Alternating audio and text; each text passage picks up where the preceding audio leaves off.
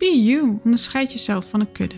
Wat leuk dat je luistert naar de podcast waarbij ik een lichtje laat schijnen op webdesign. Iedereen is uniek, iedereen verdient zijn of haar spotlight en iedereen verdient een website die hem of haar ademt.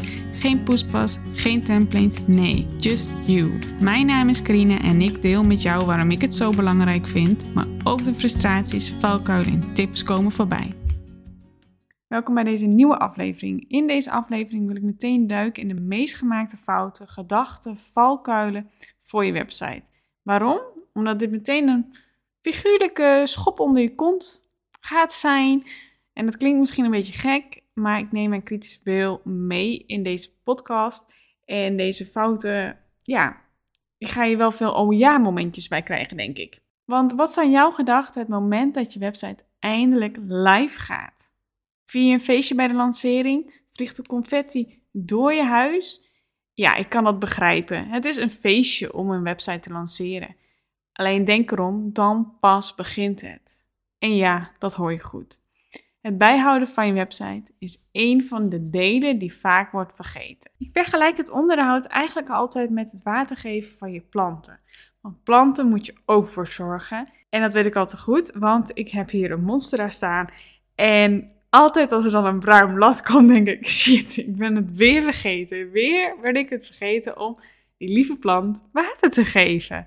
En ja, dat is eigenlijk zo iets wat ik vergelijk met de website, want die moet je ook bijhouden. En het komt wel vaak voor dat je natuurlijk een blogpost of een product uh, toevoegt of aanpast qua prijs, een evenement.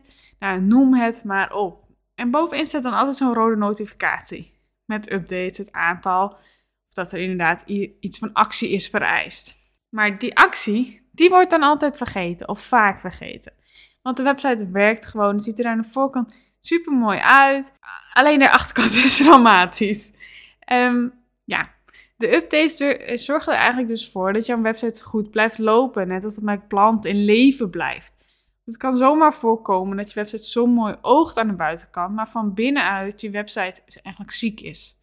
Net als dat je ja, soms niet aan een persoon kan zien als die iets onder de leden heeft, ondanks dat het misschien wel zo is. Want dat zie je ook niet van buiten. En dat is met een website dus ook zo. Je ziet het niet vanuit de voorkant of iemand ja, of de website uh, ja, achterloopt. Of ja, als je heel diep kijkt zou je het kunnen zien. Maar dat is dan even tussen jou en mij. En af en toe zie je een error, waardoor je het ook zou weten aan de buitenkant, maar vaak zie je het niet.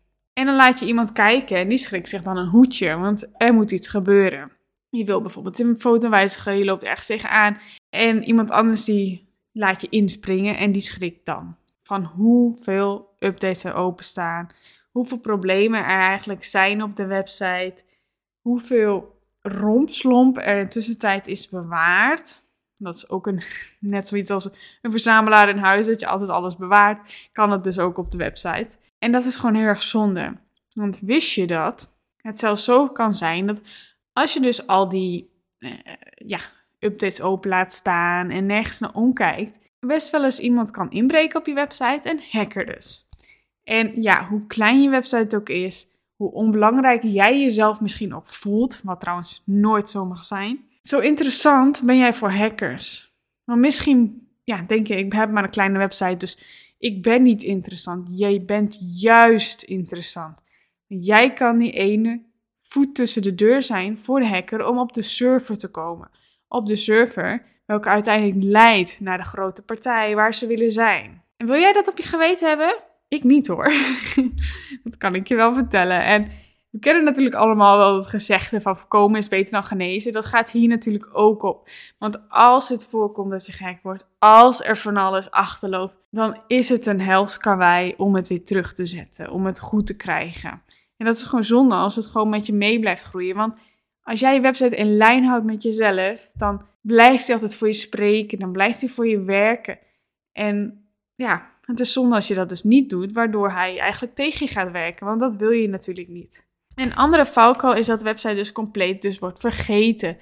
Je vergeet hem natuurlijk niet helemaal, maar dat je af en toe even ja, dan denkt van, oh ja, daar moet ik ook nog iets doen. Want het is als het visitekaartje in je portemonnee. Je stopt hem erin omdat je denkt, nou, die geef ik dan een keer weg als het voorkomt. En eigenlijk kijk je er nooit meer naar totdat je een keer denkt, oh, ik moet mijn portemonnee eens uitruimen. En dan kom je ze tegen.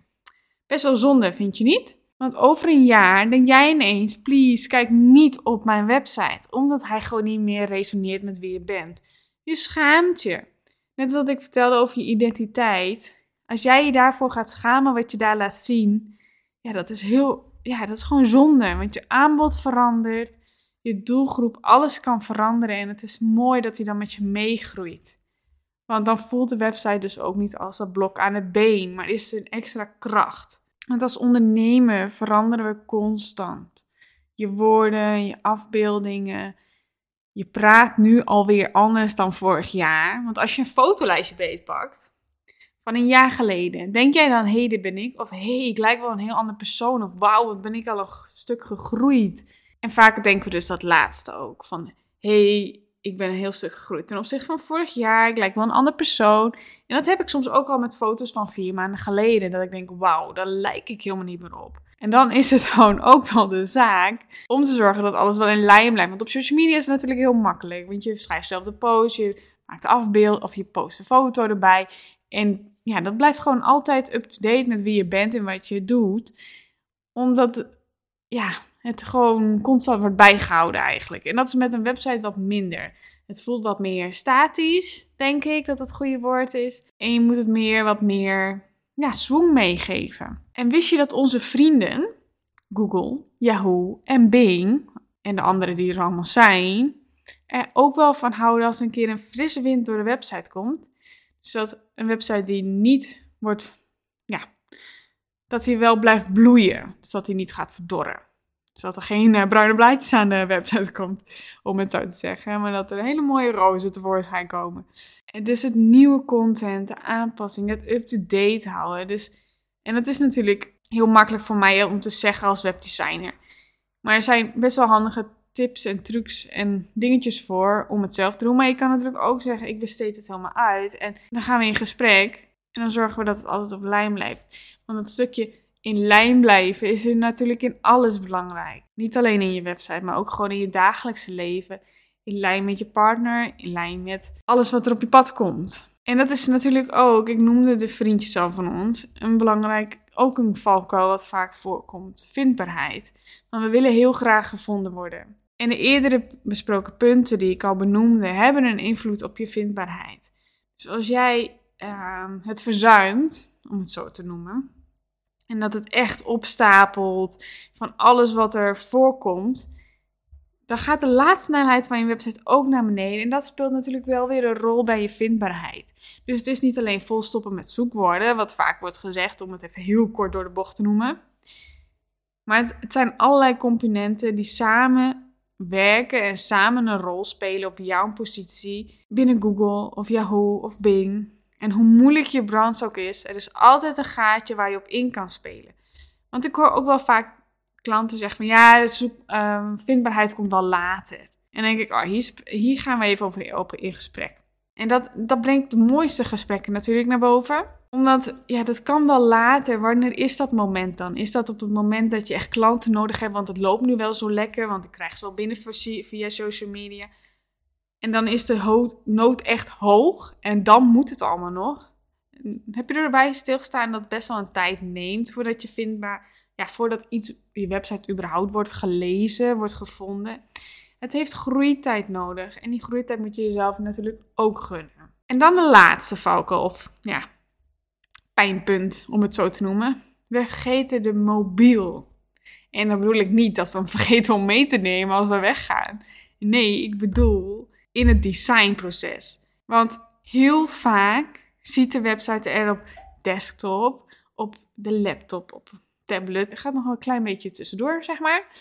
Ziet hij er fantastisch uit. Laten we de grootste variant maar pakken. De desktop. En die ziet er fantastisch uit. En dan een mobiel.